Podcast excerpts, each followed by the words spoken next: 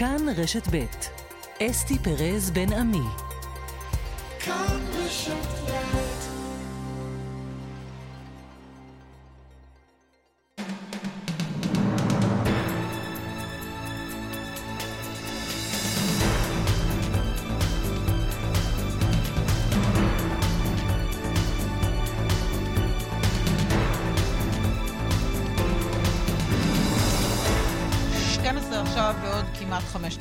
דקות, בחצי היום, שלום לכם. העורכת היא אפרת וייס, בהפקה רחלי לוי ועמית כהן, וטכנאי השידור הוא דני רוקי. ראש המוסד דדי ברנע הבוקר מתריע מפני הסכם הגרעין עם איראן ואומר, המוסד לא יעצור את פעילותו.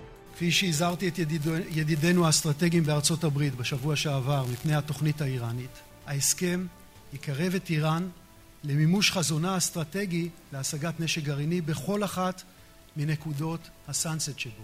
גם אם ייחתם הסכם גרעין, הוא לא יקנה חסינות מפני פעילויות המוסד. עוד מעט ובהרחבה, איפה הנושא הגרעיני עומד, מתקדם או תקוע? האם ראש הממשלה לפיד אה, בביקורו בגרמניה עושה לעצירת המגעים? איך כבר מגיבים האיראנים על דברי ראש המוסד? נארח את מי שהיה מנכ"ל הוועדה לאנרגיה אטומית, את עוזי אילם. פוליטיקה בחירות 2022, שלושה ימים לסגירת הרשימות, נארח את יושב ראש הציונות הדתית בצלאל סמוטריץ' ואת יושב ראש בל"ד ג'מאל זחאלקה. כל העדכונים האחרונים והפרשנויות זאב קם ויואב קרקובסקי. הונאת ענק, עורכי דין בצפון הונו בעשרות מיליוני שקלים אזרחים תמימים שקנו דרכם קרקעות שכלל לא הוצאו למכירה. כל הפרטים וחוקרת מהיחידה הכלכלית במשטרה שחקרה את הפרשה הזו תהיה איתנו. וגם נארח נער ונערה שפיתחו מיזם שנלחם בתופעת הבריונות ברשת, כמה חשוב, הם יספרו לנו איך זה עובד. בספורט הערב הדרבי הירושלמי נהיה מועדים מהפועל ומביתר, ובתרבות, האורחת שלנו, בחצי היום, אתי אנקרי. הנה התחלנו. פותחים איתך כתבנו בכנסת זאב קם, שלום. שלום אסתי, צהריים טובים. תכף הרשימות נסגרות. השיחות במחנות השונים, במסגרת הניסיונות לייצר חיבורים של הרגע האחרון, יש כאלה שכל יומיים עושים חיבור חדש וזורקים את הקודם. בליכוד צריכים להכריע בסוגיית השריונים. בד בבד, בני גנץ כבר מסתכל על היום שאחרי הבחירות.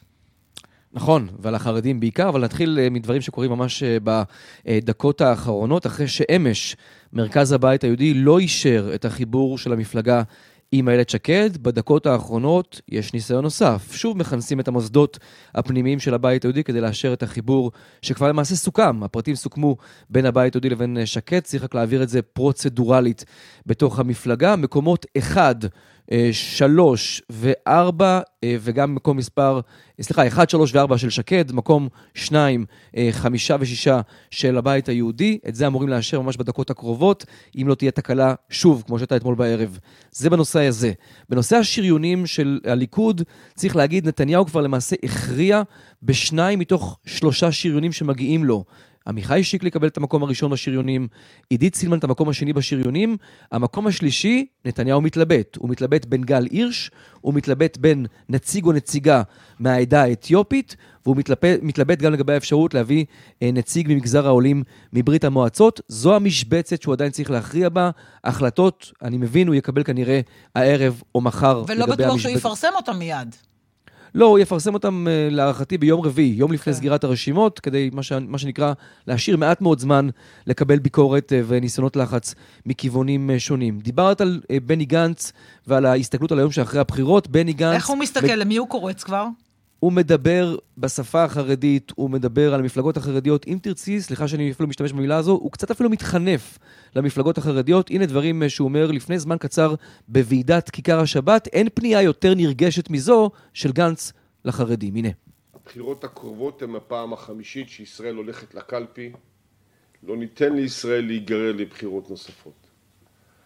אני מאמין שהערכה הרבה לה אני זוכה בקרב המנהיגות הרוחנית בצד הערכה הרבה שלי לחברה החרדית תוביל אותנו להקמת ממשלה שתפעל לאחדות ולסיום הכאוס.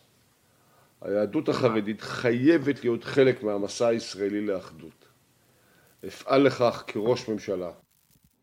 דברים מאוד ברורים, אסתי, למי מכוון בני גנץ אה, כבר עכשיו. אבל שמת לב גם לסיפה, אפעל לכך כראש ממשלה. הוא גם רואה את עצמו כראש ממשלה. לחלוטין. הוא צריך עוד כן. לקבל כמה מנדטים בדרך בבחירות עצמן, אבל מעבר לעניין הפעוט הזה... 2030. כן, בדיוק. ומילה אחרונה על אה, נתניהו, יושב ראש האופוזיציה, גם הוא עוסק בסיפור החרדי, הוא מגיע אחרי בני גנץ לאותה ועידה של כיכר השבת, והוא דוחק עוד פעם בשני הפלגים החרדים להתאחד ביחד כדי לעזור לגוש הימין חרדים. אסתי. תודה רבה, זאב. עוד אם יהיו עדכונים, תשוב אלינו. בשמחה. יושב ראש הציונות הדתית, מצטרף אלינו חבר הכנסת בצלאל סמוטריץ', שלום. שלום וברכה, אסתי, צהריים טובים לך ולמאזינים. מה נשמע? שלומנו, ברוך השם ובעזרתו. עובדים קשה, אופטימיים. הימין הוא הרוב בעם, ובעבודה נכונה הרוב הזה גם יבוא לידי ביטוי בעזרת השם בכנסת ובממשלה יהודית, ציונית ולאומית שנקים אחרי הבחירות. מה יהיה על איילת שקד? מה אתה אומר לה? היא הביעה חרטה, כתבה אתמול שהיא מתעתה ושהיא מצטערת, והיא רוצה עכשיו להתחבר לבית היהודי, אחרי שהיא התחברה ויצרה את הרוח הציונית, ולפני כן כבר הפסקתי לספור את כל המפלגות האחרות שהיא עברה. אתה אה, מקבל את החרטה שלה? אתה חושב שהיא מתאים שהיא תצטרף לגוש שלכם, או שאתה, כפי שקראתי אה, אתמול בציוץ שלך, מציע לה ללכת הביתה? תראי, א', אני אומר שיש משהו קצת לא אמין, ואפילו לא נעים, במי שמשנה את עמדותיו כל שני וחמישי. הרי בחודש האחרון איילת שקד מעל כל במה אמרה שממשלת ימין זה דבר רע ולא טוב למדינת ישראל, ושהיא תעשה הכל כדי לא לאפשר לה לקרות. והנה פתאום ההתנפצות מתחת לאחוז החסימה גורמת לחשיבה מחודשת, ופתאום ממשלת ימין זה דבר טוב ונכון. אבל אני אומר לאיילת שקד שאם כנים דבריה, אם היא באמת מבינה את הסכנה הגדולה שבממשלה כפי שהיא יושבת בה היום, דהיינו ממשלת שמאל שנשאלת על תומכי טרור, ואם היא אכן חושבת שמה שטוב ונכון למדינת ישראל זה ממשלת ימין, אז היא צריכה לפרוש, הרי לאיילת אין שום סיכוי בעולם לעבור את אחוז החסימה. אני מזכיר לכולנו, סבב א', בחירות מועד א', 2019, הימין מאבד את השלטון ואנחנו נכנסים לתקופת אי יציבות של שלוש שנים, רק בגלל הרפתקה של בנט ושקד, שהתרסקה מתחת לאחוז החסימה. ואיילת שקד, אם היא תעשה זה שוב ותזרוק שוב קולות לפח, התוצאה תהיה שהימין כנראה יתקשה להרכיב ממשלה. ואם היא באמת חושבת שזה מה שנכון וטוב למדינת ישראל, ואם היא רוצה לעשות את מה שנכון וטוב למדינת ישראל, אז הדרך הכי טובה שבה היא יכולה לעזור לימין לנצח זה לא לשרוף קולות, להודיע שהיא לא מתמודדת, להודיע לתומכיה ואוהדיה שמה שנכון למדינת ישראל זאת ממשלה לאומית, ולכן צריך להצביע למפלגות המחנה הלאומי. זאת תהיה תרומה גדולה, ואולי גם יהיה איזה תיקון קצת לשנה האחרונה. או במילה אחת, איילת, תפרשי? כן, אני חושב שזה מה שנכון למדינת ישראל. שוב, אין לה שום סיכוי בעולם לעבור את אחוז החסימה, זו לא שאלה של אה, רצונות. אבל הנה, היא רוצה עכשיו להתחבר עם הבית היהודי, ויכול להיות שדרכם היא תצליח כן לעבור את אחוז החסימה. אסתי, אין לזה שום סיכוי בעולם. מה שאני אזכיר לך את סבב א', שוב, בנט ושקד בשיא כוחם, אהודי מאוד, עם רשימת כוכבים יוצאת מן הכלל, הולכים לחפש 1,400 פתקים בפח, ומאז אנחנו שלוש שנים של חוסר יציבות, של כאוס, עד כדי אובדן שלטון הימין והקמת הממשלה. אז מה אתה אומר לבית היהודי? אתה מרים טלפון לבית היהודי ואומר, אה, חבר'ה, אל תבזבזו קולות, עזבו אתכם? אני אומר לבית היהודי, תסתכלו על הסקרים ותראו אותם, ואני אומר להם יותר מזה, שהדלת והלב שלנו פתוחים אליהם, הרי אנחנו הקמנו מפלגה ציונית דתית. פתחנו אותה לדמוקרטיה, יצאנו למפקד ולפריימריז, ואלפי, עשרות אלפי אנשים התפקדו, ובחרנו נבחרת מצוינת. אנחנו רוצים לתת ביטוי לכל הגוונים של הציונות הדתית, וכולם רצויים ואהובים ומוזמנים, והניסיון הזה לשמר כל מיני רסיסי מפלגות של תתי פלגים שמתחרים מי יותר קרוב לאפס בסקרים, mm-hmm. זה דבר רע ומזיק, ששוב מבזבז קולות, מבזבז אנרגיה, ובעיקר הופך אותנו לקטנים וחסרי השפעה. אבל בינתיים, חבר הכנסת סמוטריץ', בינתיים אין לכם הרבה גוונים במפלגה, וגם עם האיחוד עם בן גביר אתם נמצאים לנו... פחות או יותר באותו גוון. בואי נתחיל בבקשה במבחן התוצאה, אנחנו המפלגה השלישית בגודלה ברוב הסקרים. וזה אומר שהציבור שבע רצון מההרכב שלנו, ונותן בנו אמון, ויודע שאנחנו היחידים במערכת... איך אני מתה על הסקרים האלה? מי שהולך לו טוב בסקרים, הוא מאמין בסקרים, ומי שלא הולך לו טוב אומר, עזבי, סקרים. אני מסכים איתך שצריך לקחת סקרים בערבון מוגבל, ועדיין הם מלמדים על מגמה, והמגמה מלמדת על התחזקות גדולה שלנו, ועל התפכחות של הציבור הישראלי, ועל הבנה שאנשים רוצים, כן, מפלגה, אה, אנחנו מפלגה דתית, איתמר פחות, אבל מפלגה ימנית, לאומית, שבאה לעבוד, שאפשר לסמוך עליה, שסוף סוף תתקן את מערכת המשפט, תחזיר את המשילות והריבונות, ותחזק את הזהות היהודית, ותטפל בכלכלה וביוקר המחיה ובמשבר התחבורה הכל כך גדול שאנחנו נמצאים בתוכו. ואני מסתכל בסקרים אחרים ורואה שלמוצרים אחרים יש הרבה פחות. רגע, אבל אתה לא רוצה את הקצת, אתה לא רוצה את הקצת, קצת קולות שיש לאיילת או לבית היהודי שהם יכולים להנפיק, שהם יבואו אליך? אתה לא פותח את הדלת בפני איילת אה, אה, שקד? אבל פתחנו את הדלת, יצאנו למפקד פתוח ולפריימריז, והרשימה שלנו מגוונת מאוד, כי את פחות מכירה אולי את הגוונים השונים של הציונות הדתית, וזה בסדר, את לא חיה בתוך הציבור הזה, אבל הרשימה שלנו מגוונת ונותנת ביטוי מלא. ואני חושב שאין אדם שלא יכול להזדהות היום עם אחת הדמויות בתוך הרשימה. אני אומר לאנשים יותר מזה, גם אם אתם מזדהים רק עם 80 אחוז, לפחות אצלנו אתם יודעים שאת ה-80 אחוז האלה אתם תקבלו. לא תתעוררו למחרת הבחירות עם איזה סטירת לחי ומישהו שמתהפך עליכם ב-180 מעלות, הוא עושה את ההפך מכל מה שהוא הבטיח לכם. איילת, מקומך לא איתנו. בקיצור. איילת, איילת שקד יושבת היום בממשלה עדיין עם אה, אה, השמאל הקיצוני ותומכי הטרור של האחים המוסלמים. איילת שקד, אגב, לא מסוגלת אפילו להתנצל על זה ולבקש על זה סליחה. ואיילת שקד בעיקר איבדה את האמון, ובצדק. בסוף פוליטיקאים mm. נבחנים במעשים. ומי שמאבד את האמון, אה, קשה לו לזכות באמון, והדבר הזה משתקף בסקרים. ואני אומר שוב, אם איילת רוצה את טובת מדינת ישראל ולא את טובתה האישית, אז כן, היא צריכה לפרוש, היא צריכה להעביר את תמיכתה או לאחת המפלגות האחרות או לכל מפלגות המחנה, להסביר לעם ישראל את הלקחים שלה מהשנה האחרונה, וכמה mm. חשוב שתקום ממשלת ימין, ובעיקר לא לחבל באפשרות הזו דרך זריקת קולות. יותר ברור מזה לא יכול להיות. זה, אמרת את זה חד משמעית. כן, אה, נכון. עכשיו אני רוצה לדבר איתך על אה, ליברמן. פעם ישבתם גם באותה ממשלה. אתמול, והוא אומר הרבה דברים איומים על נתניהו, חילת המין האנושי וכל מיני דברים, אבל אתמול הוא הגדיל לעשות, או אפשר אולי להגיד, ירד למטה לשפל חדש, והשווה בין נתניהו לגבלס הנאצי. טוב, זה באמת משהו ש... איך אומרים, אמירה שלא הייתי אפילו חוזר עליה. אביגדור ליברמן בשנים האחרונות הוא הפוליטיקאי המסוכן ביותר במדינת ישראל. אדם חסר עכבות, שהפך לסוכן כאוס, מפיל כל ממשלה אפשרית, מייצר חרמות, מייצר שנאות. איך אתה יכול להגיד את זה? הרי גם היה, היה גם שר בממשלה שלך. לא, לא בממשלה שלי, אני הייתי אז חבר כנסת. הממשלה שאתה היית חלק מן הקואליציה שלה חלק אה, מהזמן? אה, טוב, זה, זה אולי אפשר ללמוד בשיעורי ההיסטוריה. הוא היה שר הביטחון, לא? שאני טועה. איש המסוכן הכי מסוכן בישראל. אני, אני מאוד מקווה שנצליח להחזיר לאחור גם את הרפורמה הרעה והמזיקה בבגרויות במדינת ישראל ונחזיר את לימודי ההיסטוריה ואז אפשר ללמוד על אביגדור ליברמן לפני חמש שנים. בשנים האחרונות הוא סוכן כאוס שמפיץ שנאה נגד כל מי שהוא לא בדיוק הוא. אז פעם הוא עשה את זה נגד הערבים, היום הוא עושה את זה נגד החרדים, ונגד הדתיים, ונגד נתניהו. אתה יודע, גם על נתניהו אומרים את זה, שהוא סוכן הסתה. לא, ממש לא. קודם כל נתניהו נהנה מתמיכה של מחצית מהעם הזה, אם מדברים על הציבור היהודי אז הרבה יותר ממחצית, ונתניהו ממש לא, כן, יש קמפיין דמוניזציה מאוד גדול שעשו לו בתקשורת ובשמאל.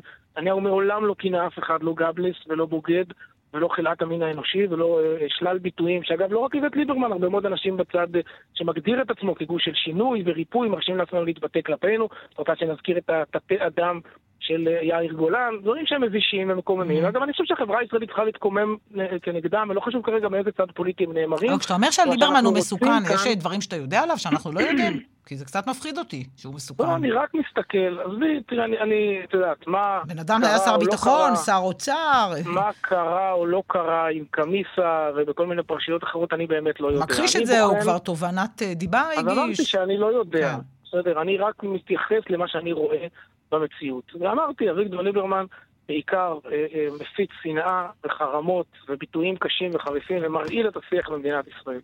וכולנו, מימין ומשמאל, דתיים וחילונים וחרדים, צריכים לשאוף לשיח הרבה יותר מכובד והרבה יותר מכבד והרבה יותר מכיל. מותר וטוב בדמוקרטיה להתווכח, המציאות במדינת ישראל מורכבת, ומותר שיהיו מחשבות שונות על מה נכון וטוב למדינת ישראל, בלי חרמות, בלי שנאות, בלי כינויים שאסור בשום פנים ואופן שיהיו חלק מהשיח הפוליטי והדמוקרטי במדינת ישראל. ולכן אני חושב שהפוליטיקה אה, אה, הישראלית תהיה מקום נקי יותר ומכובד יותר וענייני יותר אם הוא לא יהיה חלק ממנו, ואני מקווה שכך יקרה. בואו נדבר קצת ביטחון. אה, הסכם הגרעין עם איראן, זה מעט מדי ומאוחר מדי מה שהממשלה הזו עושה, או שאתם, אני כל הזמן אומרת אתם, אבל נתניהו, הגוש שאתה נמצא בו, אתם סיבכתם את כל העניינים בזה ששכנעתם את טראמפ לצאת מההסכם הקודם ועכשיו נקבל משהו יותר גרוע. קודם כל אני מיצר מאוד על זה שאפילו סוגיה קיומית, ובאמת קריטית לעתידה של מדינת ישראל, לעתידה הקיומי, לא רק לעתידה כמדינה יהודית. גם הופך לאיזה כלי ניגוח בין ימין ושמאל, ומוטב היה אם כולם היו צריכים להתעלות מעל זה. אה, אני עדיין חושב שהסכם הגרעין במתכונת הראשונה שלו היה שגיאה קשה, והיציאה ממנו הייתה צעד נכון. אני חושב שמדינת ישראל יכולה וצריכה לפעול הרבה יותר בתקיפות במגרש המדיני והבינלאומי.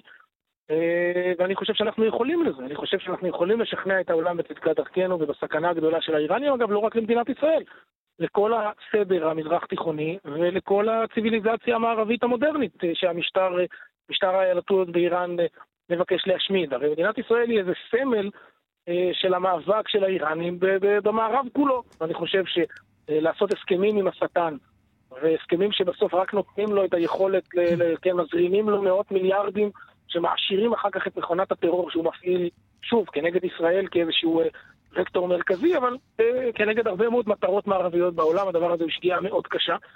אה, את יודעת, לא נעים לי להגיד שבסוף אבל האיראנים עושים לנו את העבודה, והסרבנות שלהם היא זאת שדוחה כרגע את ההסכם, ההסכם הזה הוא רע, ואני חושב שכפי שעשה נתניהו, והיכולת שלו לפעול בתוך דעת הקהל האמריקאית והאירופאית ומול נבחרי הציבור שם בקונגרס, אני חושב שהמהלכים האלה חייבים להימשך.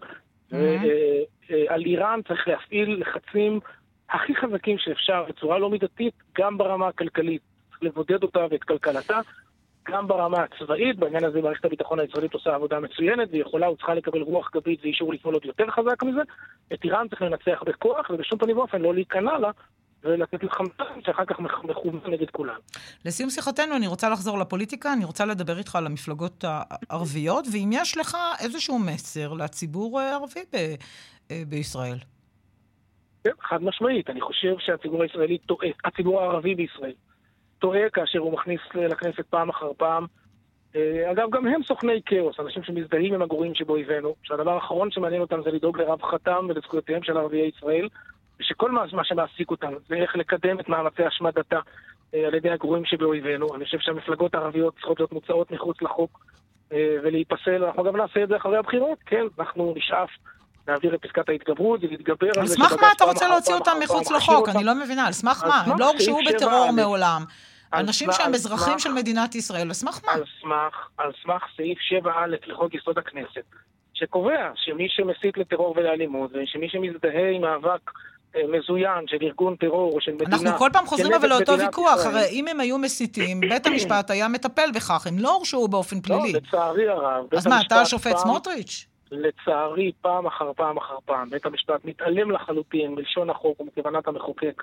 אותו בית משפט שפשע את מיכאל בן ארי, שהילדים שלו משרתים בצבא ושהוא אחד האזרחים הנאמנים ביותר למדינת ישראל כמדינה יהודית ודמוקרטית, הוא נפסל. אבל אחמד טיבי ואיימן עודה, אותו אחד שקרא לשוטרים הערבים אה, לזרוק את הנשק וקרא להם שלא להתגייס, אותו אחד שפעם אחר פעם מצדיק אה, רצח של חיילים יהודים במדינת ישראל, אותו אחד שמזדהה עם חיזבאללה ועם איראן ועם חמאס ועם כל מי ששואף להשמיד את מדינת ישראל, האנשים האלה לא יכולים להיות חלק מהמשחק הדמוקרטי, לא אני קבעתי את זה, המחוקק קבע את זה, אגב, שלוש פעמים חוק יסוד הכנסת תוקן ודויק וחודד כדי להתגבר על, ה, על, ה, על המעקפים שבית המשפט העליון עושה לכנסת, והדבר הזה מזיק בראש ובראשונה לאזרחי ישראל הערבים. שוב, מכיוון שהייצוג, כל עוד הייצוג הפוליטי שלהם נלחם נגד מדינת ישראל ומסרב לקבל את האתוס המכונן שלה כמדינה יהודית ודמוקרטית, לערביי ישראל לא יהיו כאן חיים טובים, ואני מתפלל ליום שבו הם יצמיחו מקרבם הנהגה שרוצה להיות שותפה במדינת ישראל כמדינה יהודית, לא נלחמת בה, לא כופרת בזכות קיומה, ורוצה להשתלב בה תחת המדינה היהודית. כמו רע"מ? לא, רע"מ זה אחד מתרגילי ההטעיה הגדולים ביותר שהיו בפוליטיקה הישראלית. רע"מ, התנועה, התנועת האחים המוסלמים והתנועה האסלאמית היא גוף לאומן רדיקלי קיצוני. מועצת השורא, חברי רע"מ, כן, הגוף הפוליטי שלהם, ולא פחות מזה התנועה האסלאמית כולה, כל אנשיה שואפים להשמדת מדינת ישראל. הם אומרים את זה וכותבים את זה בערבית פעם אחר פעם אחר פעם. עכשיו כן, עבאס ניסה לעטות איזה מסכה של דובי חמודי, שמתעסק כביכול רק בשאלות אזרחיות. בפועל, שאיפתה של התנועה הזאת, ומי שעוקב אחריה בכל העולם במשך הרבה מאוד שנות היסטוריה, כן, אז יש להם את אותה אה, טקטיקה של תקיע בערבית, הסתרה, מסתירים את המניעים האמיתיים, אבל כשאתה חופר לעומק במסמכים, ובמסגדים, ובאמירות, ובראיונות, ובכתיבה שלהם בשפה הערבית לאורך שנים, הם שואפים להשמיד את מדינת ישראל, אגב, מתוך מניעים אסלאמיים דתיים, זה עוד הרבה יותר מסוכן מהמשותף. יושב ראש הציונות הדתית, חבר הכנסת בצלאל סמוטריץ', תודה רבה לך על השיחה הזו. תודה גם לך, אסתי, צהריים טובים. תודה. חבר כנסת לשעבר, יושב ראש בל"ד, אה, ג'מאל זחאלקה, גם מקשיב לדברים האלה, שלום. שלום לך. אני יכולה לתמצת אה, בכמה משפטים. אה, צריך להוציא את המפלגות הערביות מחוץ לחוק, הם סוכני כאוס, הם תומכי טרור, הם לא דואגים לרווחת אזרחי ישראל, הם תומכים בהשמדת ישראל. יש משהו מהדברים האלה שהוא נכון? אה, תראי, סמוטריץ' הוא שמדבר, סמוטריץ' שתומך בהתנחלות, בשלילת זכויותיו של העם הפלסטיני, בכל המלחמות, בכל ההפצצות. ומפה כזה יצאו מילים כאלה. כמובן אה, שאף אחד לא עושה לנו טובה שאנחנו אה, נבחרים אה, בכנסת. ואני מקווה שסמוטריץ' ייכשל בכל, בכל מה שהוא ילך.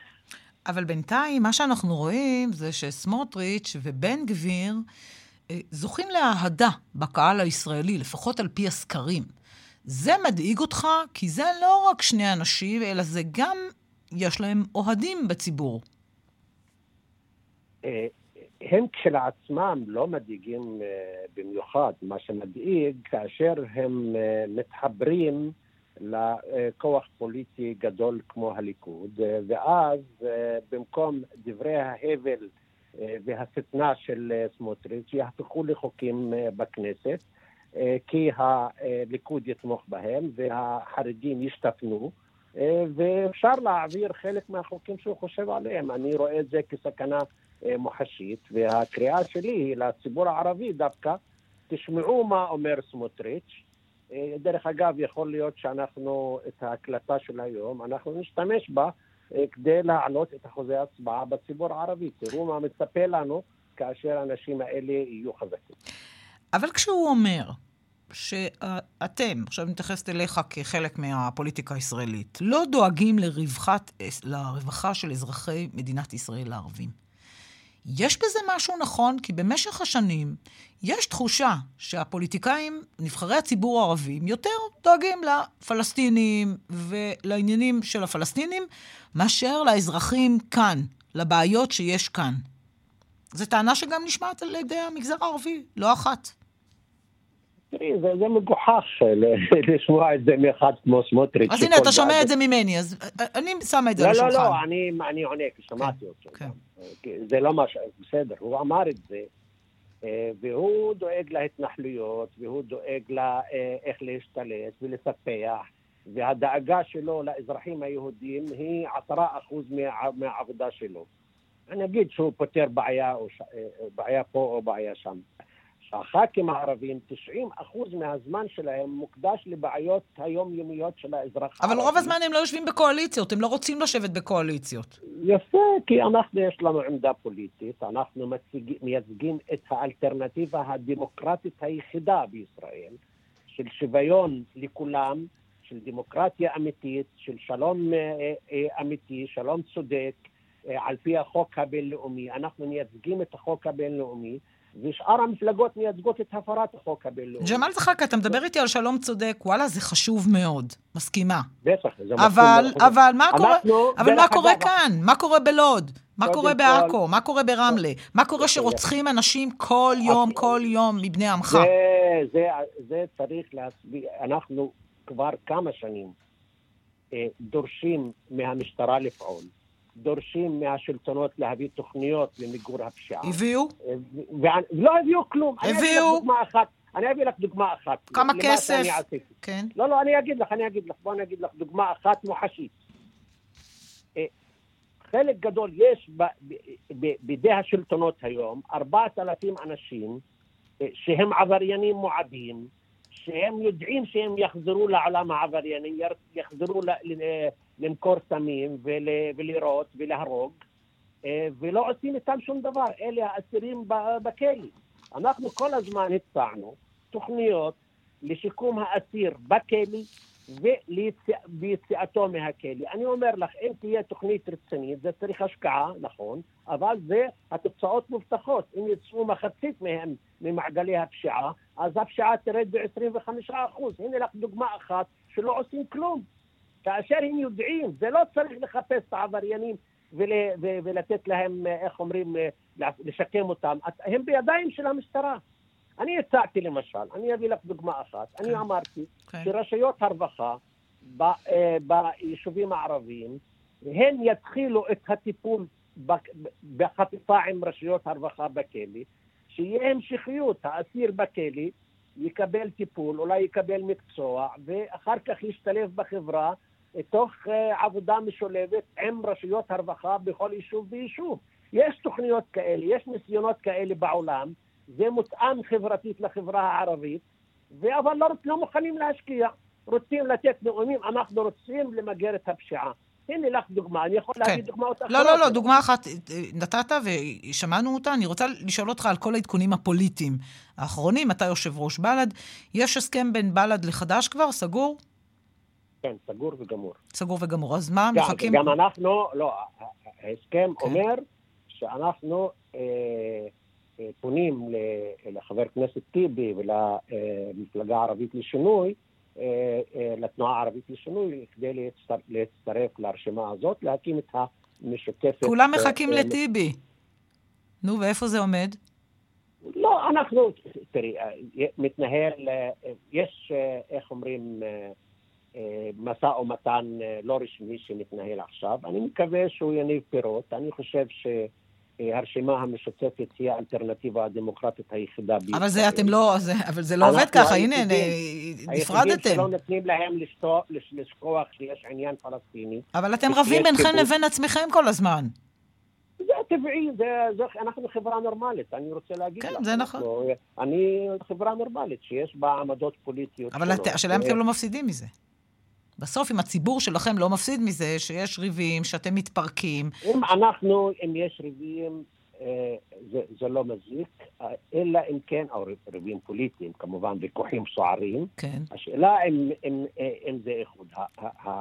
ה vision שלי, איך אני רואה את מה שצריך להיות, זה צריך להיות אחדות תוך כדי... אה, אה, ריבוי אה, עמדות. זה, זה מה שצריך לעשות. אחדות בתנועה, היום מאוד אוהבים להשתמש במילה בתנועה. אני רוצה לשאול אותך אם אתה חושב שאתם אה, תתאחדו בחזרה, תלכו יד ביד, אה, שלושת המפלגות של הרשימה המשותפת. כן, אנחנו אה, אה, נלך יד ביד, ואני מצפה ליום שבו אה, גם הרשימה המאוחדת תשנה את דרכה. רע"מ. אה, ותחזור, ונקים את הרשימה המשותפת שהביאה בזמנו 15... למה לא אה, תלכו לכיוון שלהם, להשתתף בקואליציות, להיות יותר מעורבים? אני אגיד לך מה בדיוק הנקודה. הנקודה היא, הנקודה העיקרית שהם פוגעים באופן, באופן אנוש באזרחות שלנו, כי הם הופכים אותה לאזרחות מותנית. אתה, אתה תומך בממשלה, אתה תקבל. אני אגיד לך, היום, למשל, אה, ממשלת אה, לפיד או בנט לפניו, הם יותר גרועים מממשלת נתניהו, כי נתניהו בזמנו, אה, איך אומרים, נתן תקציבים, ממשלתו נתנה תקציבים לציבור הערבי בלי שום התניה פוליטית. הממשלה הזאת אומרת, תתמכו בקואליציה, תקבלו, לא תתמכו, לא תקבלו. אנחנו עומדים על זה שהדרישות שלנו, מגיע לאזרח כי הוא אזרח ללא קשר לעמדותיו הפוליטיות. את לא רוצה שהילדים או הנכדים שלך יקבלו חינוך בשכונה על פי העמדות הפוליטיות של אלה שאת מצביעה עבורם. אף אחד לא יסכים לזה. למה אנחנו נסכים? יושב ראש בל"ד, ג'מאל זחאלקה. תודה רבה לך על השיחה הזו. ביי. פרשננו יואב קרקובסקי, שלום. שלום אסתי, צהריים טובים. תקשיב, שתי שיחות מרתקות.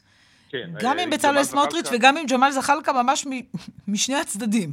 חד משמעית. כן. אה, וזחאלקה הוא באמת אחת הדמויות המרתקות בציבוריות הערבית, הישראלית, שיודעת גם לתת את הניואנסים המדויקים של איפה נמצאת המערכת הפוליטית מולם. איפה נמצאת המערכת הפוליטית הערבית בשלב הזה? שמענו מזחאלקה עכשיו גם את האופטימיות שלו, אבל בינתיים טיבי עוד על הגדר.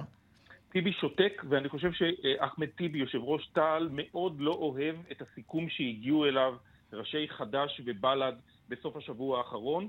אה, אחמד טיבי, שהוא השועל הפוליטי הוותיק ביותר מבין חברי הכנסת המכהנים אה, ברשימה המשותפת וגם ברע"מ, אה, מאוד רצה להמשיך להיות גורם פוליטי משפיע במערכות הבחירות ב-2019, א', ב', ובעיקר במערכת הבחירות ב-2020, אחמד טיבי הרגיש שיש לו יכולת להשפיע גם בעובדה שב-2021 הרשימה המשותפת המליצה על יאיר לפיד לראשות הממשלה.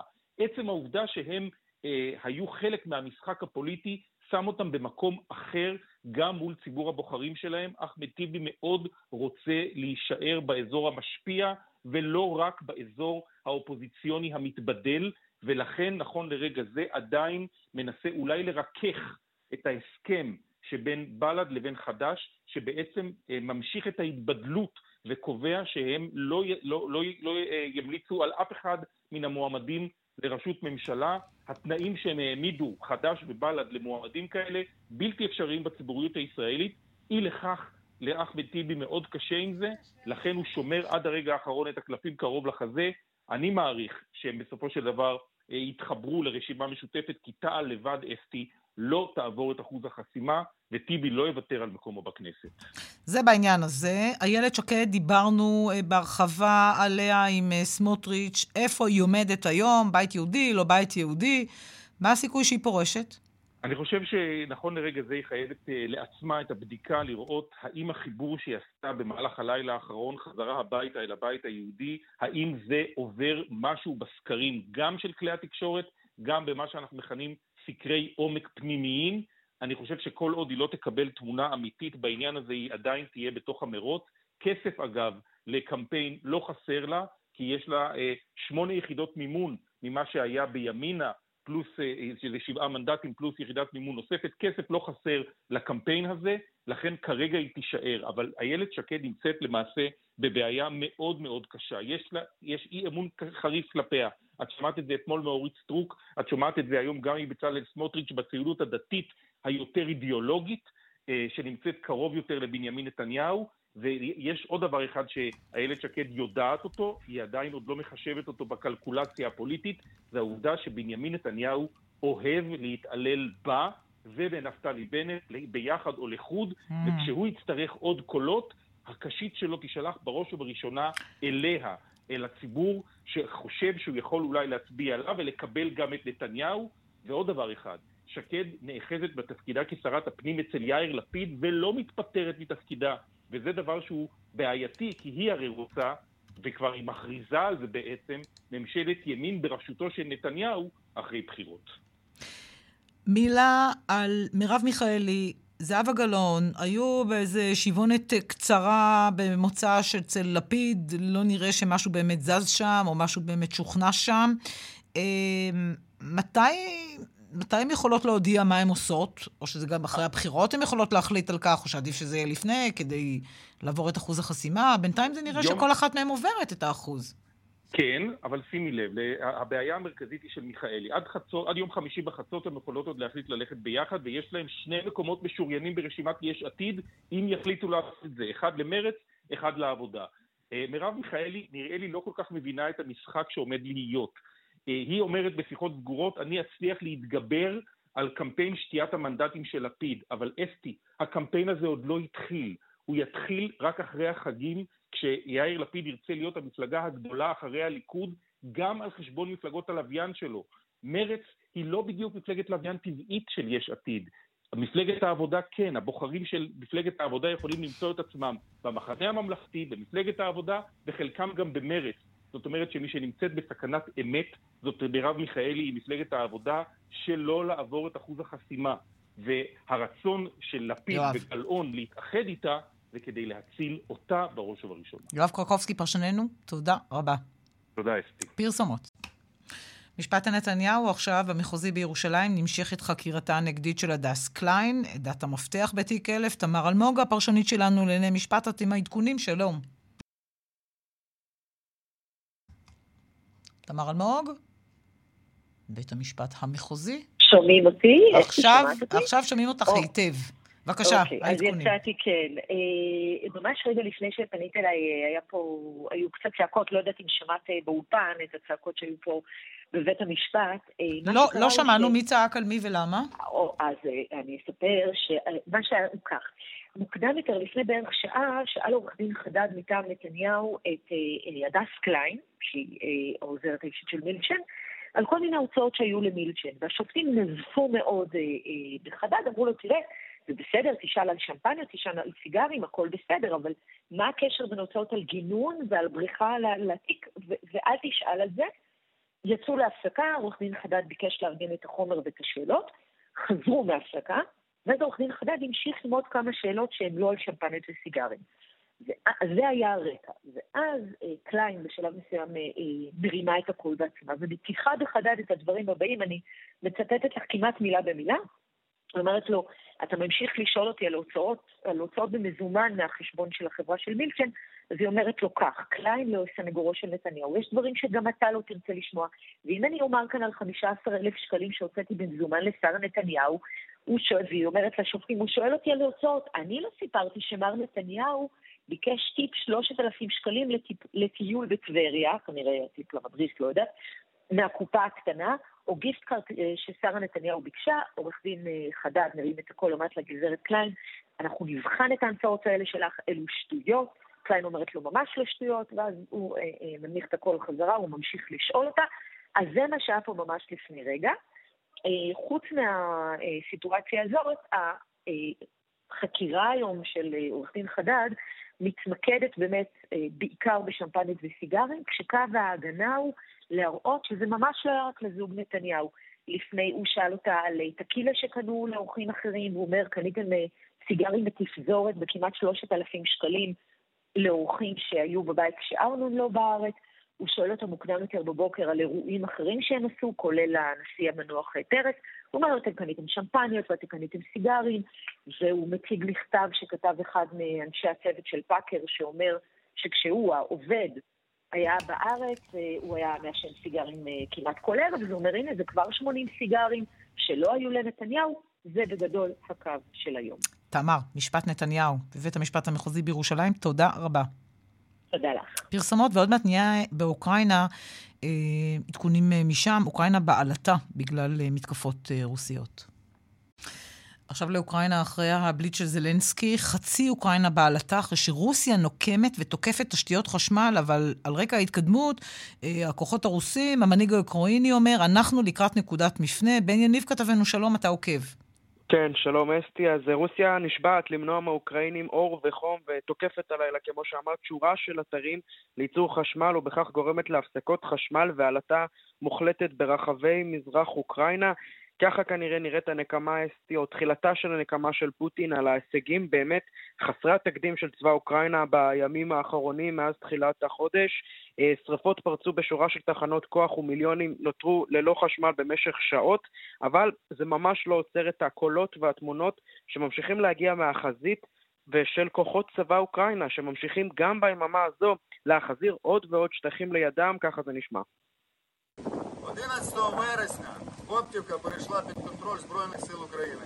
130-й ВАК передає привіт всьому народу України. Наше завдання виконано.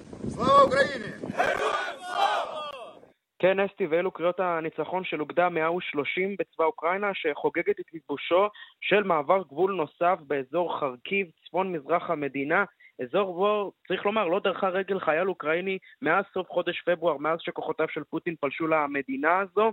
אז אחרי שאתמול טען כי צבאו הצליח להשיב לאוקראינה יותר משלושת אלפים קילומטר רבוע אה, שהיה נתון בידי הכובש הרוסי, הלילה הנשיא זלנסקי מצביע על החורף הקרוב כנקודת מפנה לטובת אוקראינה, ככה הוא נשמע.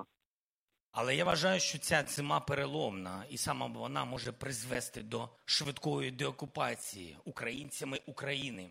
ми бачимо, як вони כן, אני... по деяких напрямках. הוא נקודת מפנה, אומר זלנסקי, והוא יוכל להוביל לשחרורה המהיר של אוקראינה. אנו רואים כיצד הם, הכוחות הרוסיים, בורחים לכל כיוון. נסכם ונאמר שלמרות כל החגיגות האוקראיניות האלה, ומה שנראה באמת כמו ניצחון נקודתי, אומנם משמעותי מאוד של האוקראינים באזורים שהרוסים מאוד מופתעים, עדיין צבאו של פוטין הוא גדול יותר, חזק יותר, ויש לו את היכולות עדיין אה, להפתיע, הוא כעת מתכנס בכל מיני אזורים אחרים, וכנראה מכינים שם בקרמלין אולי את הנקמה הגדולה על מה שנראה כמו מבוכה גדולה, שוב, בפעם המי יודע כמה, מול הצבא של ולדימיר. וצריך לומר, בן יניב, שהחורף, כמו שהזכרת, אה, הוא בדרך. אני לא יודעת למי יש יתרון אה, יותר גדול, לאוקראינים או לרוסים אה, בחורף. מה שבטוח זה שלפוטין יש הרבה יותר אמצעים, ולחייליו יש הרבה יותר אה, אמצעים. ועד כמה האוקראינים יוכלו אה, להמשיך ו- ו- ולשרוד את המלחמה הזו, שהיא כבר חודשים ארוכים שם. נכון, ואנחנו באמת, צריך לומר, כל המערב, גם בעלי בריתה של אה, אוקראינה וכמובן גם רוסיה מאוד מופתעים מההחלטה הזאת של אה, זלנסקי ללכת על מתקפת נגד שכזו. צריך לזכור, כשזה התחיל בתחילת חודש ספטמבר, בכלל חשבו שמדברים על אה, דרום אוקראינה, ובסוף זלנסקי מפתיע אותם, וכעת הכוחות שלו ממשיכים להגיע ממש אל הגבול המקורי לפני יום הפלישה של רוסיה, לפני שתי פרצי המלחמה, אז האוקראינים מצליחים להפתיע. זלנסקי אומר היום, למערב, תשלחו לנו עוד נשק, אנחנו יכולים לעשות את זה. אין ספק שלעומת אולי האירופאים שבאמת יסבלו בחורף הקרוב ממשבר אנרגטי, האוקראינים נראים גם עכשיו, אסתי, שבעה חודשים לתוך המלחמה הזאת, גם אם לא יהיה להם חשמל, גם אם לא יהיה להם אוכל, הם נלחמים על העצמאות כן. שלהם וכולם מיישרים קו. מאחורי המלחמה הזו של זלנסקי. הם נלחמים על הבית שלהם, על המולדת שלהם, על האדמה שלהם, על החיים שלהם. נכון. מה זה עושה אבל לרוסיה? כל העניין הזה שהרוסים לא הצליחו בזבנג וגמרנו, עד כמה כן. זה מערער את, אה, את, את הצבא שם, עד כמה זה מערער את שלטונו של פוטין, אבל אה, או שאין מה לדבר שם על ערעור כזה. זהו, אז, אז השאלה של החסטי מגיעה בדיוק בזמן, כי בלילה האחרון אנחנו רואים פתאום איזשהו שינוי בטון אולי של השופרות של הקרמלין, ודובר של הדובר בדומה, יושב ראש הפרלמנט לשעבר של הדומה, של הפרלמנט הרוסי, פתאום אומר בשידור של הטלוויזיה של פוטין שיש מי ששכנעו את המנהיג הרוסי שהמבצע הזה יהיה מהיר ואפקטיבי, ואנחנו רואים שהמבצע הזה, כמו שהוא מכונה ברוסיה, ממש לא מהיר וממש לא אפקטיבי, אז אולי כבר יש מי שבקרמלין מתחיל לאותת לדוברים שעדיין מצדדים במנהיג הרוסי, אנחנו לא מרוצים מהתפקוד של הצבא, גם רואים כל מיני תמונות שמשחרר הקרמלין, שבהם נראה פוטין ממש אפילו לא אומר שלום, לא לוחץ יד, לא לשר ההגנה שלו, לא לרמטכ"ל שלו, לא לשאר המפקדים הבכירים אה, בצבא. יכול להיות מאוד עכשיו שהמלחמה הפנימית בתוך ההנהגה הרוסית, בין האליטות, אנחנו רואים אפילו כל מיני רציחות ואירועי ירי, כל מיני דברים שעד עכשיו לא ידענו עליהם, צפים מעל פני השטח וכל המתיחויות במעגלים שסובבים את פוטין בהחלט אה, מאתרגים מאוד ומאתגרים יותר נכון את הנשיא אה, פוטין שמנסה לכבוש את אוקראינה וממש ממש לא מצליח, המתח מבית אולי מתחיל לגבור. בענייניב, תודה רבה לך על כל העדכונים האלה. אוקראינה, בעלתה, בלילה. שעה ראשונה של בחצי יום סיימנו, כולנו נחזור אחרי אחת, אז תישארו איתנו, שלום. כאן רשת ב' אסתי פרז בן עמי. כאן רשת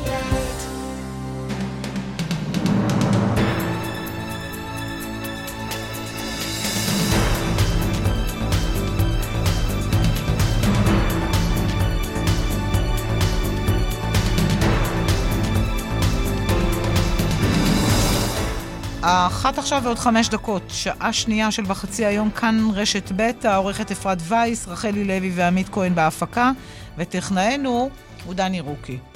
האיראנים חושפים מטוס ללא טייס, מל"ט, שלטענתם יכול להגיע למרחקים, וכמו שהם אומרים, יפגע בתל אביב ובחיפה. בינתיים ראש המוסד מזהיר את האיראנים, עם הסכם או בלי הסכם, לא תהיה לכם חסינות מפעילות המוסד. אה, ביקור בזק גם של אה, ראש הממשלה לפיד בגרמניה, מיכאל שטיין כתבנו שם בברלין, שלום. שלום אסתי. ואפשר להעריך, רק להעריך, שהעניין האיראני הוא על ראש אה, סדר היום. נכון, אני חושב שזה עיקר סדר היום אפילו, אם אפשר לומר. כמובן יש גם את יחסי ישראל-גרמניה, אבל נושא האיראני נמצא פה בעיקר על סדר היום, ובעוד כחצי שעה תהיה פה מסיבת עיתונאים של אה, ראש הממשלה לפיד ושל הקאנצלר שולץ, אה, בין היתר, סביר להניח שיישאל על עמדת גרמניה בכל הקשור למשא ומתן עם אה, איראן. כרגע הם נפגשים בארבע עיניים בלשכת הקאנצלר כאן בברלין. ביקור בזק אגב, 24 שעות בלבד, הערב הוא כבר חוזר לישראל, ובזמן שכל זה קורה כאן בגרמניה והניסיונות הישראלים למנוע כל הסכם גרעין בין המעצמות לבין איראן, מעבר לכך שיש גם כמובן הערכה שזה לא יקרה כעת, אם יהיה, אלא רק אחרי בחירות אמצע הקדנציה בארצות הברית. נדבר היום בפומבי ראש המוסד, אה, דוד ברנע, אירוע די נדיר שראש המוסד עצמו מדבר ומרצה לקהל ככה ואנחנו יכולים לשמוע ולהקליט, ושם הוא גם אה, משדר מסר מאיים לעבר האיראנים. בואי נשמע את הדברים.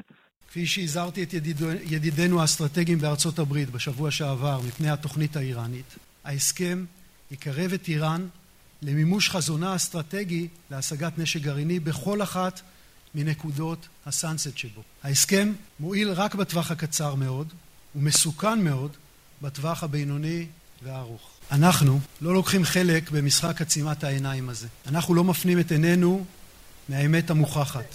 אנחנו בסך הכל מסתמכים על עובדות. מכירים את החזון האיראני ורואים את התממשותו בפועל, ולכן גם אם ייחתם הסכם גרעין, הוא לא יקנה חסינות מפני פעילויות המוסד. אז הוא בעצם מבהיר חד משמעי, גם אם יהיה הסכם גרעין, ישראל תמשיך בפעילותה נגד הגרעין האיראני, נגד אנשי משמרות המהפכה האיראנים, והפעילות לא רק תימשך מעבר uh, לים, כלומר בחוץ לארץ, אלא הוא אומר, אנחנו נפגע לא רק בשלוחים, אלא גם במשלחים, כלומר נפעל גם באיראן עצמה, ועל זה האיראנים משיבים. דובר משרד החוץ האיראני אומר לפני זמן קצר, מדינת טרור מאיימת בדרכי טרור. תודה רבה לך שם אה, בברלין, כתבנו המדיני עמיחי שטיין. מצטרף אלינו מי שהיה מנכ"ל הוועדה לאנרגיה אטומית, אה, תת-אלוף עוזי אילם במילואים. שלום לך. שלום רב. מדברים הרבה, עוזי, הסכם גרעין, לא הסכם גרעין, תכף זה מתקדם, תכף זה לא מתקדם, נתקע, נעצר, כן יהיה, לא יהיה. רוב הציבור, ואני גם בתוכם, לא כל כך מבינים מה זה משנה אם יהיה הסכם או לא הסכם. האם יש איזושהי נקודת אל-חזור של האיראנים, שאנחנו בכלל לא יודעים אם הגיעו או לא הגיעו אליה? הציבור אה, אה, לא יודע, וגם חלק נכבד ממקבלי ההחלטות לא יודעים, משום שההסכם שהיה, וההסכם, אני, אני לא יודע בדיוק אה, למה הם יגיעו כרגע, אבל אני בקיא מאוד במה שהיה ההסכם, וההסכם היה אה, רחב, כולל ומאוד מאוד אה, מונע מהאיראנים להתקדם לכיוון של נשק. צריך לזכור שמדברים כולם על, ה, על אחוזי ההעשרה של האורניום. זה רק חלק מכל הסיפור. ההסכם למשל כלל ביטול של המסלול של הפלוטוניום עם, עם כור מחקר בעראק, שהאיראנים הסכימו ואכן ביטלו את הפונקציה הזאת של, של המחקר, וגם אה, צריך לזכור שיש הדבר החשוב ביותר, זו קבוצת הנשק. ואנחנו לא יודעים בדיוק, ואני לא יודע, ואני לא חושב שמישהו מאיתנו, מ- מישראל, יודע באמת באמת מה מצבה של קבוצת הנשק הזאת, משום שזה לא מספיק שיש לנו מספיק אה, אה, חומר אורניום אה, בקיע, אה, 235, לא מספיק. כדי לעשות מזה נשק צריך את קבוצת הנשק, והדבר הזה לפי דעתי הוא חלק חשוב מאוד מהפיקוח על מה שאיראן אה, לוקחת על עצמה. דיבורים דיבורים, איומים איומים, עם הסכם בלי הסכם. אני מנסה להבין האם יש נקודה מסוימת שאם האיראנים מגיעים אליה, לא יעזרו כל הדיבורים, אי אפשר יהיה לעצור את זה. או שלא, או שאפשר בכל שלב לעצור את ההתגרענות שלה. מדינות רבות מאוד בעולם כן. יכולות להיכנס ולאמץ לעצמם פיתוח של נשק גרעיני, כן. לא רק איראן. כן. וראינו מה שקרה בפקיסטן, ראינו מה שקרה בהודו, ראינו מה שקורה בצפון קוריאה, שמצפצפת על כל העולם וממשיכה גם לעשות את הניסויים, אה, גם עם טילים ארוכי טווח וגם עם אה, נשק עצמו. ודרך אגב, מה ש... חשבו לעשות, אני לא יודע את, את כל הפרטים, אבל הכוונה של אה, לחץ על האיראנים לא היה רק על הנשק הגרעיני, היה גם על הנושא של הטילים ארוכי הטווח וגם על הנושא של השיעה במזרח התיכון, והדברים הללו לא טופלו בהסכם הראשון, וחשוב שיהיו מטופלות גם עכשיו. ניסיון העבר מלמד אותנו שהאיראנים, גם כשהיה ההסכם ההוא, שיש מי שאומר, ואני גם מבינה ממך שהוא טיפל בהרבה נקודות, המשיכו לעשות כל מיני דברים שלא היו מפוקחים. עד כמה העולם יכול, באמת, יש לו באמת את האמצעים לפקח אחרי מה שקורה באיראן בכל מקום?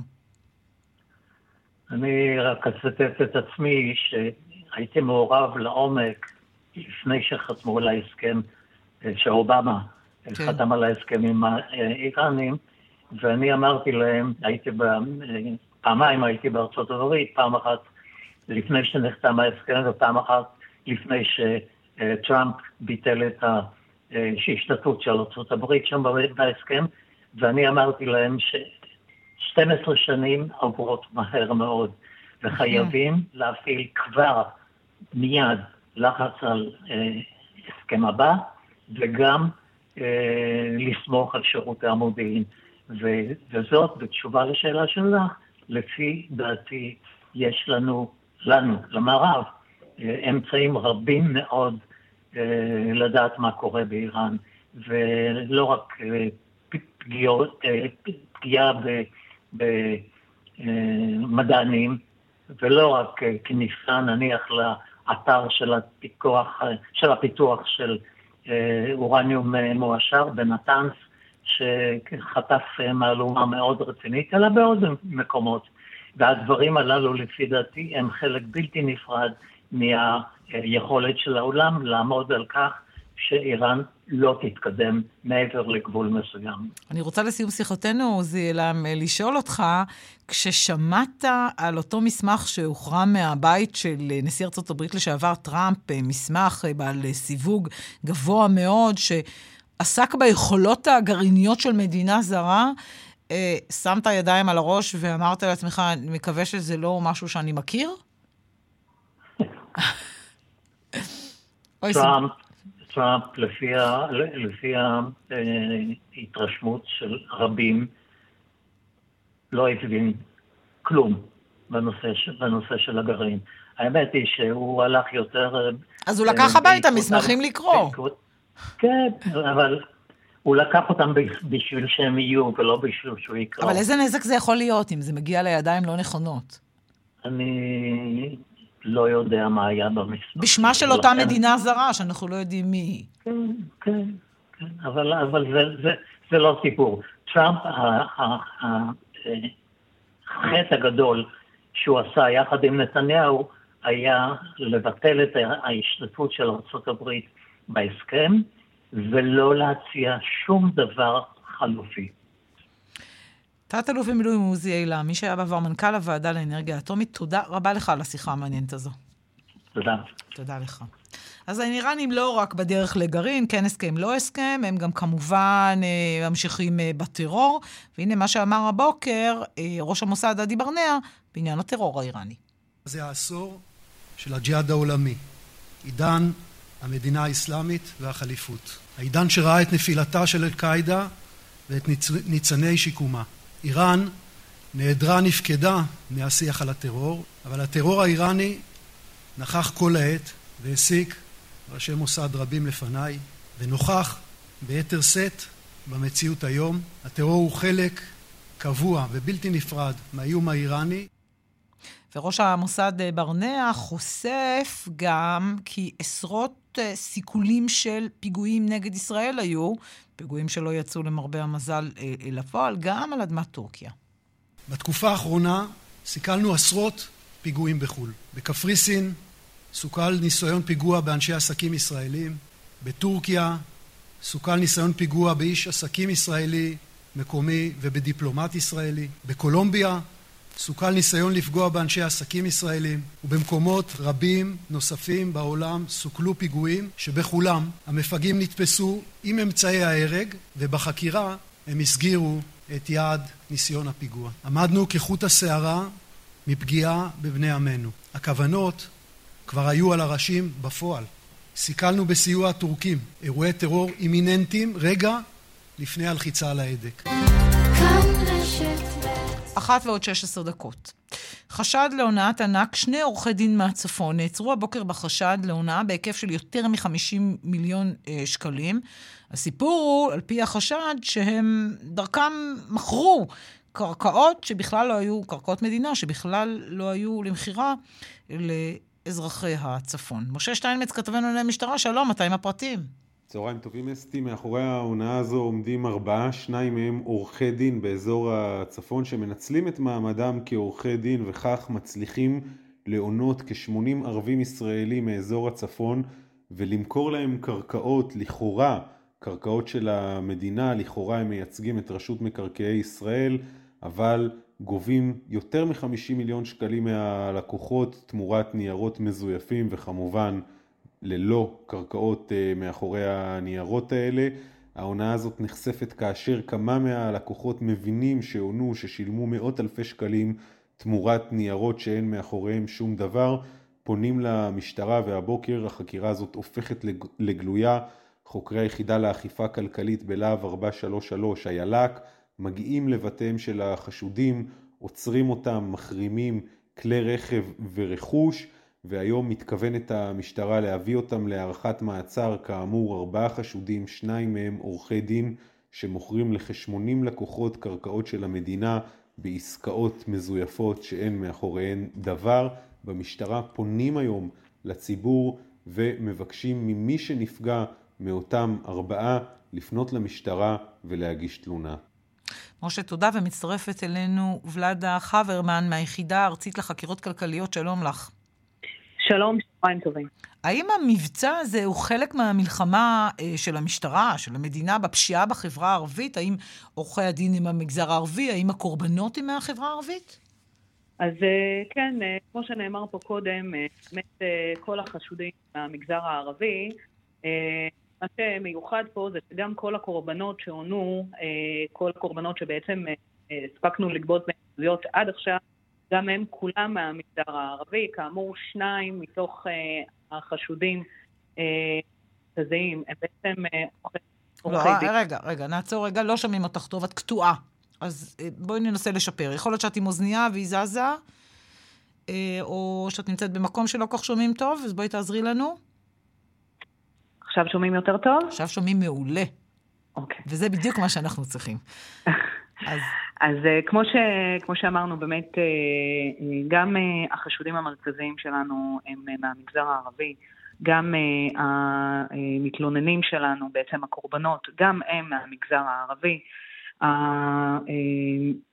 החומרה היתרה פה מבחינתנו זה באמת ששני החשודים המרכזיים, כמו שנאמר פה, הם עורכי דין שבעצם עשו שימוש ציני במקצוע שלהם על מנת לנצל ולהציג מצג שווא באמצעות מסמכים שבחלקם זויפו, כאשר בחלק מהמקרים ההונאה הייתה גם כלפי רשויות המדינה, כלפי רשות מקרקעי ישראל, כלפי מיסוי מקרקעין, באמצעות דיווח על עסקאות כוזבות שלמעשה לא נעשו, שרשות מקרקעי ישראל כלל לא צד להם.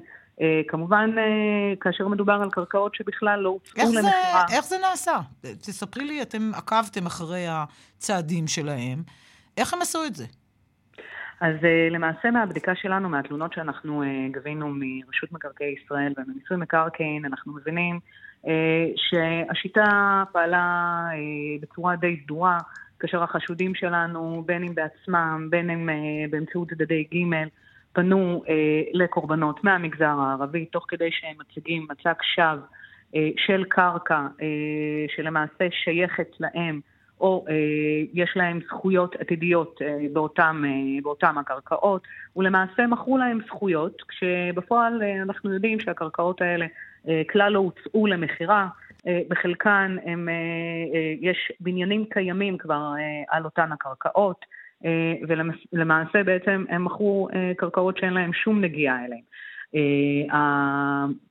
על מנת באמת ליצור איזשהו נופח ככה יותר אמין לכל הדבר הזה, בחלק מהמקרים הם זייפו מסמכים של רשות מקרקעי ישראל, והציגו אותם גם לרשויות וגם לקורבנות שלנו. הם עשו את זה ביחד? שני עורכי הדין האלה עבדו ביחד, באותו משרד, בשיתוף פעולה, עם קרובי משפחה?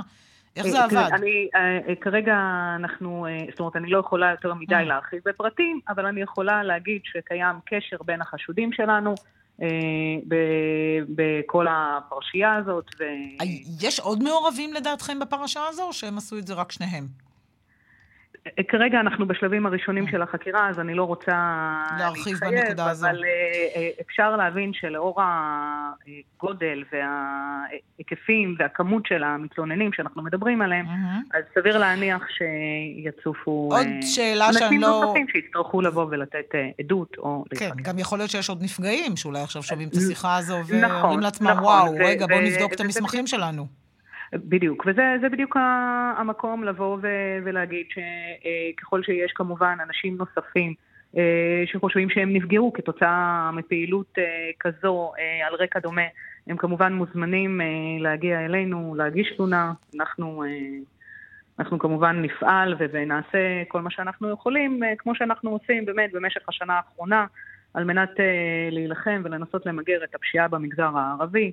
אה, בכל התחומים, אה, כפי שבטח שמעתם, גם אה, לעניין הפעילות שלנו שקוראים לה מסלול בטוח, שזה בעצם מדבר על שילוב ידיים של רשויות בהיבטים של כלכלי, פלילי ותעבורתי, שבעצם מאגד את כלל הרשויות במדינה, שזה משרד המשפטים, פרקליטים, רשות המיסים, כלל, כלל הרשויות, על מנת באמת להילחם בכל התופעות על הנגזרות, על תופעות הפשיעה במגזר הערבי, על הנגזרות השונות שלהם. שבעצם אנחנו מבינים שמה שמניע את כל הפשע החמור והמאורגן בעצם ברשות ה...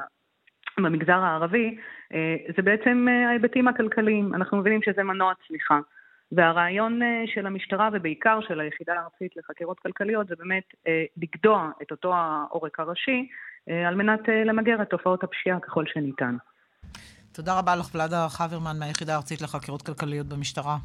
תודה רבה, תודה.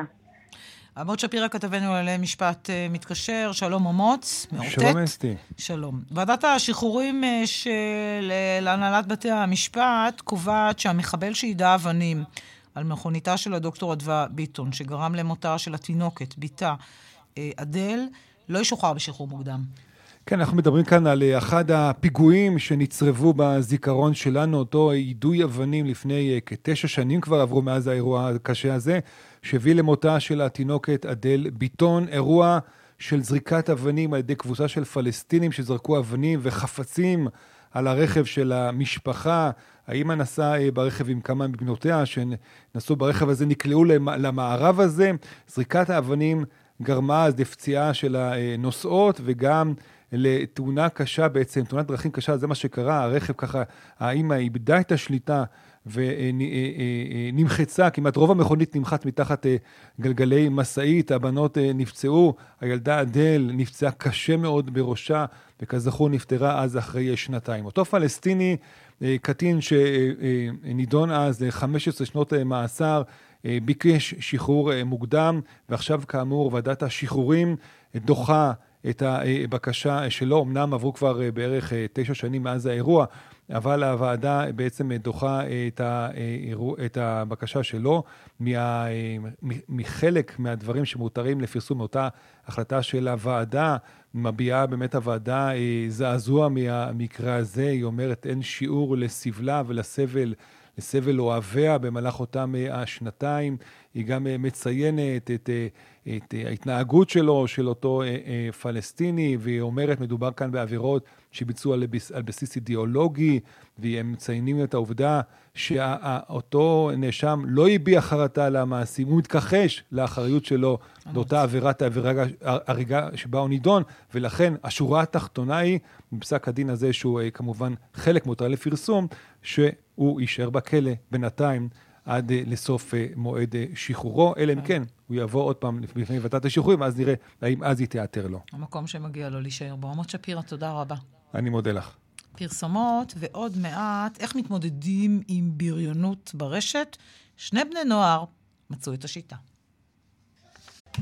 כמעט אחת וחצי עכשיו. איך מתמודדים בני אה, ובנות נוער עם בריונות ברשת, כשזו אחת מהתופעות הקשות, ההרסניות לעתים אה, עבור בני נוער?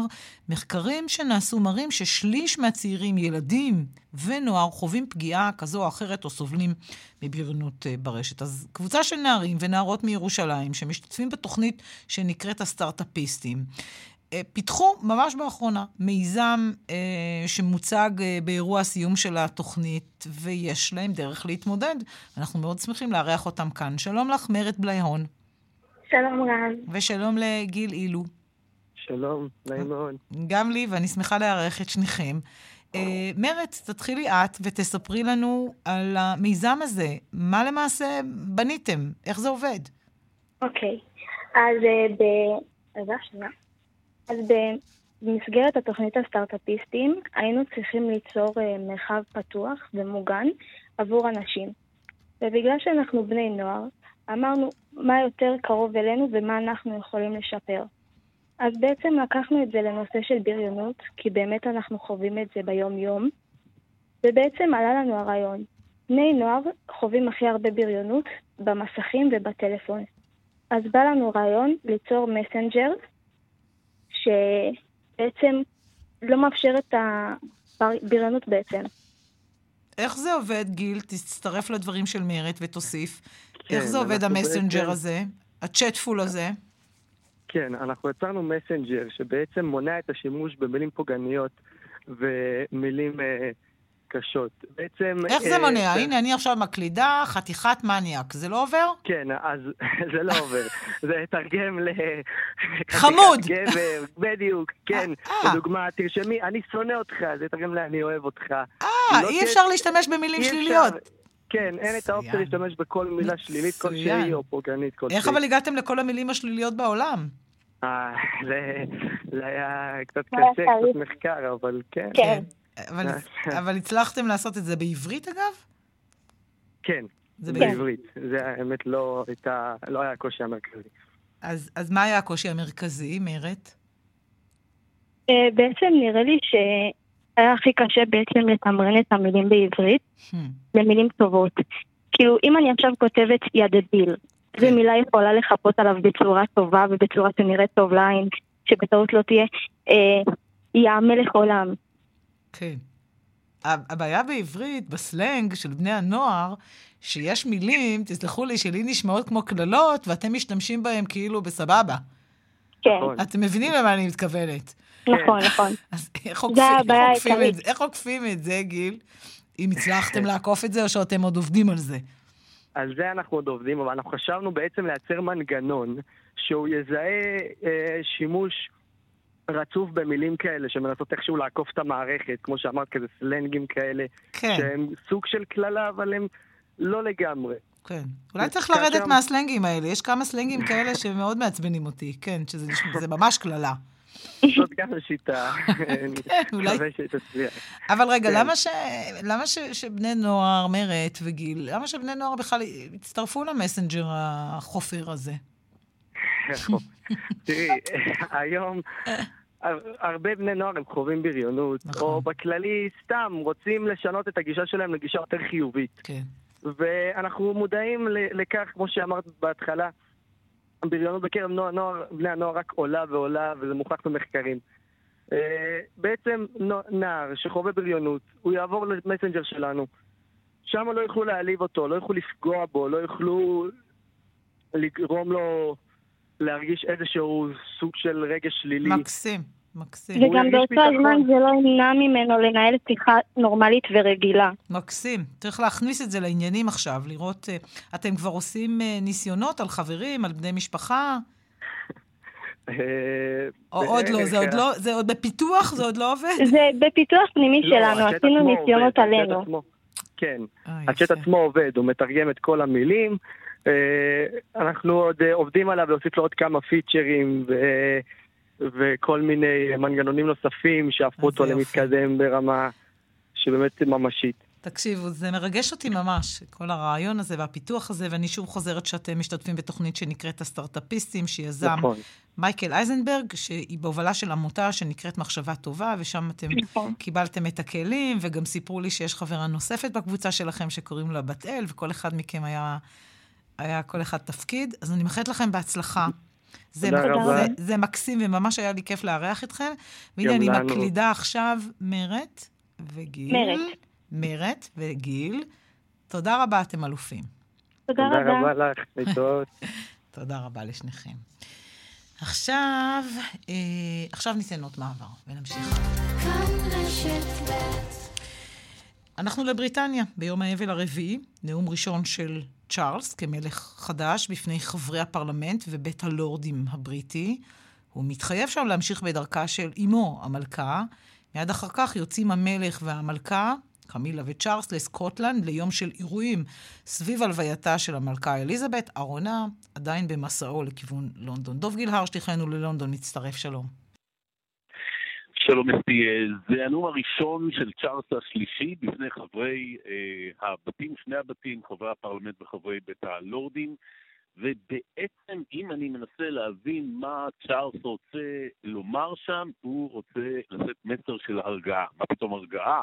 יש בזיכרון הקולקטיבי של האומה הזאת גם צ'ארלס אחר, צ'ארלס הראשון, שהיה רודן לא קטן אה, במאה ה-17, תחילת המאה ה-17, הפרלמנט התעמת איתו כל הזמן, אה, בסוף גם, לא נעים לומר, רצח אותו. אה, אני אהיה אחרת בעצם, זה המסר, אני אהיה כמו אמי, בדיוק בן ממשיך, לא יהיה שוני במידת העצמאות שלכם. בואו נשמע קטע ראשון מתוך הדברים שאומר המלך צ'ארלס השלישי, להבדיל מהראשון לחברי הפרלמנט. As I stand before you today, I cannot help but feel the weight of history which surrounds us and which reminds us of the vital parliamentary traditions to which members of both houses dedicate yourselves with such personal commitment for the betterment of us all.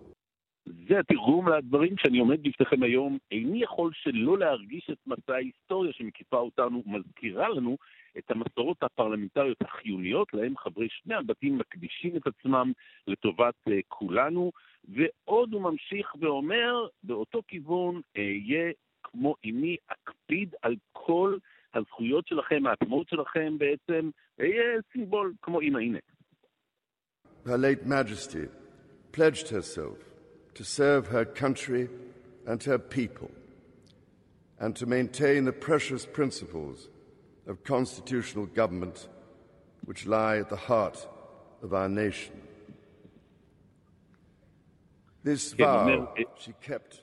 אומר המלך צ'ארלס, שאמי הייתה צעירה מאוד, היא הקדישה את עצמה כבר אז לשרת את ארצה ואת עמה, והנה העיקר לשמר את העקרונות המקודשים של ממשל חוקתי שהוא בלב האומה שלנו, היא שמרה על כך בנאמנות, ועם עזרת האלוהים ובהדרכתכם, זה עיקרון שאני מתכוון למלא באמונים לכל מי שיש בליבו רפובליקני, בעד רפובליקה, בעד הסרת המונרכיה, אה, לשנות משהו, אני בעד השלטון העם, אה, בעצם כך אומר אה, המלך צ'ארלס.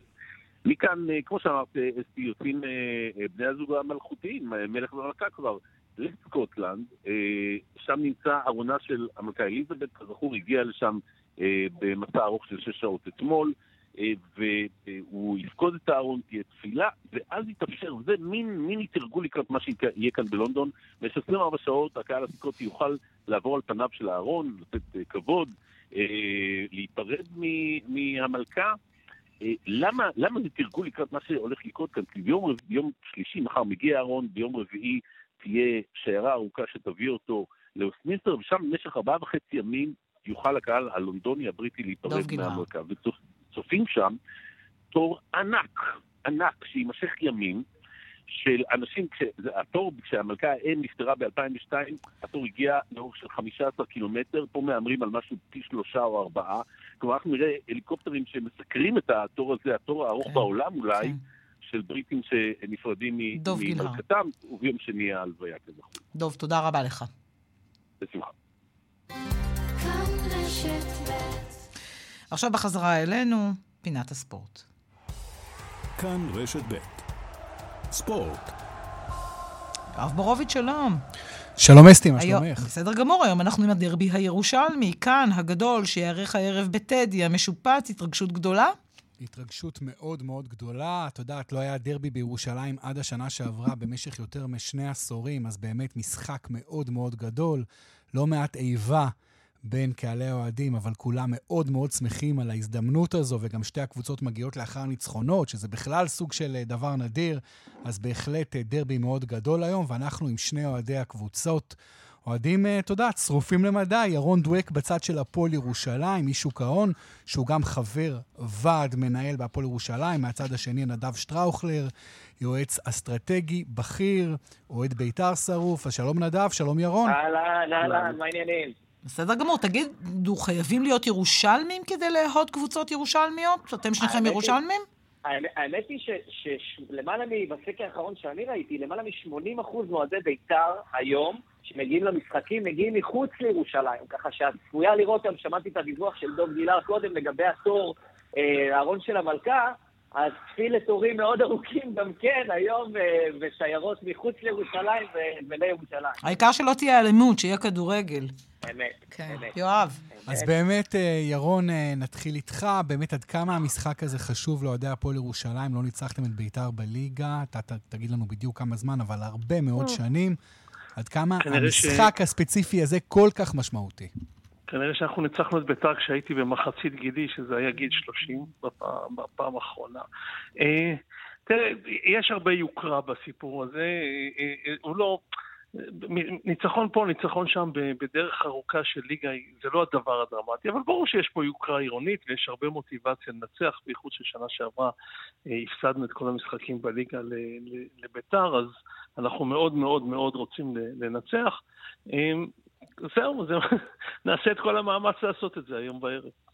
נדב, מבחינתכם, מבחינת אוהדי בית"ר ירושלים, באמת, בשנים האחרונות, אה, היריבה מספר אחת של בית"ר ירושלים היא בכלל הפועל תל אביב, יש עוד יריבות, עד כמה באמת היריבות עם הפועל ירושלים היא יריבות משמעותית עבור אוהדי בית"ר?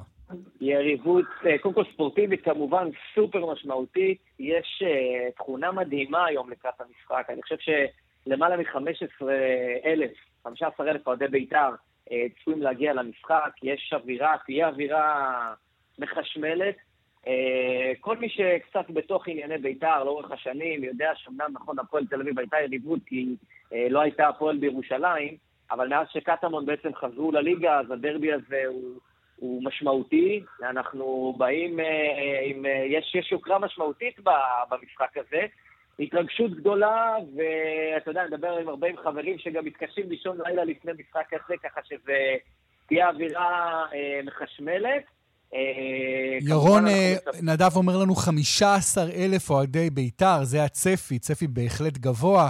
כמה אוהדי הפועל יהיו הערב במשחק? אני מניח שאנחנו, זה משחק, מה שנקרא, אנחנו עורכים בו, אה, נהיה משהו כמו 3,500-4,000 איש, ונעשה רעש מספיק גדול, נעודד את השחקנים שלנו ואנחנו מאמינים בהם, אה, ואני אופטימי.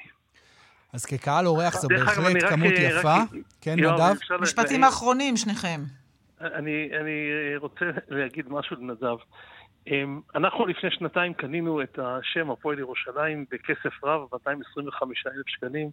אנחנו, אה, זה קטמון עמותת אוהדים, ואנחנו קבוצה שנקראת הפועל ירושלים. עלינו לליגת העל כהפועל ירושלים, שרדנו את השנה שעברה, ואנחנו נמשיך בדרך ארוכה כהפועל ירושלים. עוד כמה שנים אנחנו כבר חוגגים 100, ואנחנו חולמים על המאה השנים הבאות.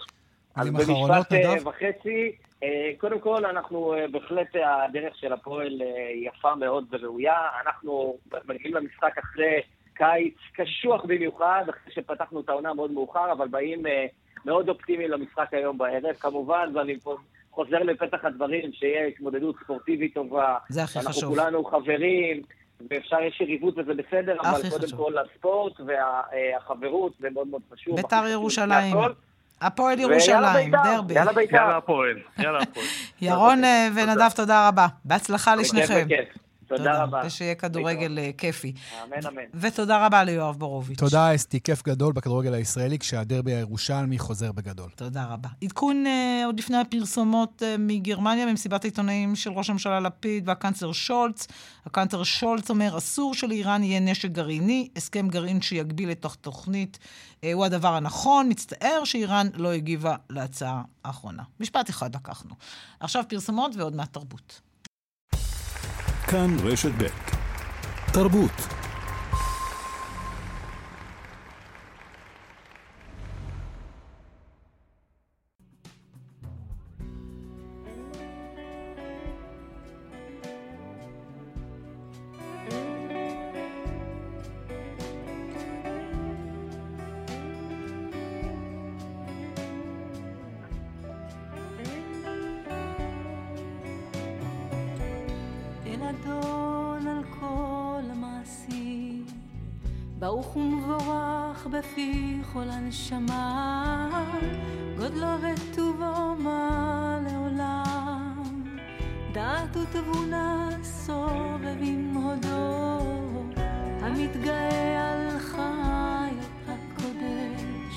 ונהדר בכבוד על המרכבה, זכות ומישור לפני כיסאו, חסד ורחמים עליך כבודו. אתי אנקרי, שלום. שלום, שלום. מה שלומך? ברוך השם, טוב. מופע סליחות מיוחד שלך, מי יתנני, קוראים לו, הוא לקראת ראש השנה ויום כיפור. ספרי מה, מה צפוי בו למי שתגיע, צריך לומר, מופע לנשים. אה, זה שירים, אה, כל השירים עוסקים ב... את יודעת, שירים של הלב. שירים של הלב, אבל הם חייבים להיות עם קונוטציה דתית, או לאו דווקא? אה, אני לא רואה הבדל בין שני הדברים. מתי שזה נקי, אז זה נקי. כשהלב נקי, נקי.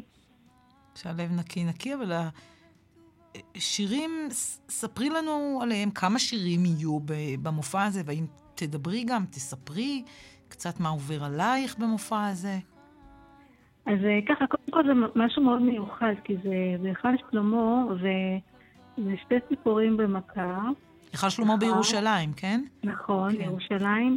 ויש שם תערוכת מגזרות נייר של נעמי שפירא, שהאוצרת היא נעמי שפירא, ויש הרבה אומנים.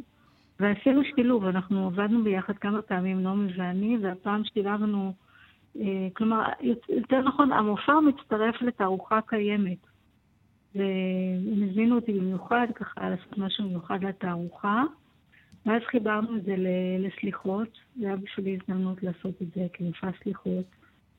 אה, בשבילי זה תענוג לעשות כזה מופע.